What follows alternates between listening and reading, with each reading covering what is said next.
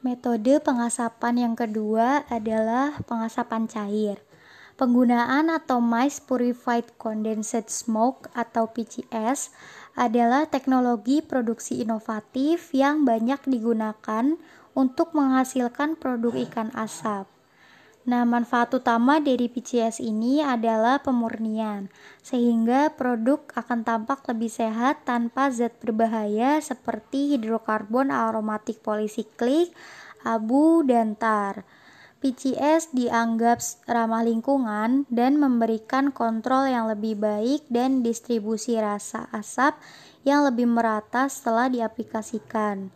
Prosedur pengasapan menggunakan PCS sering dilakukan dengan menggunakan udara bertekanan dalam ruang tertutup, di mana aliran cairan uap yang dikabutkan ditambahkan dalam siklus yang dikombinasikan dengan pengeringan.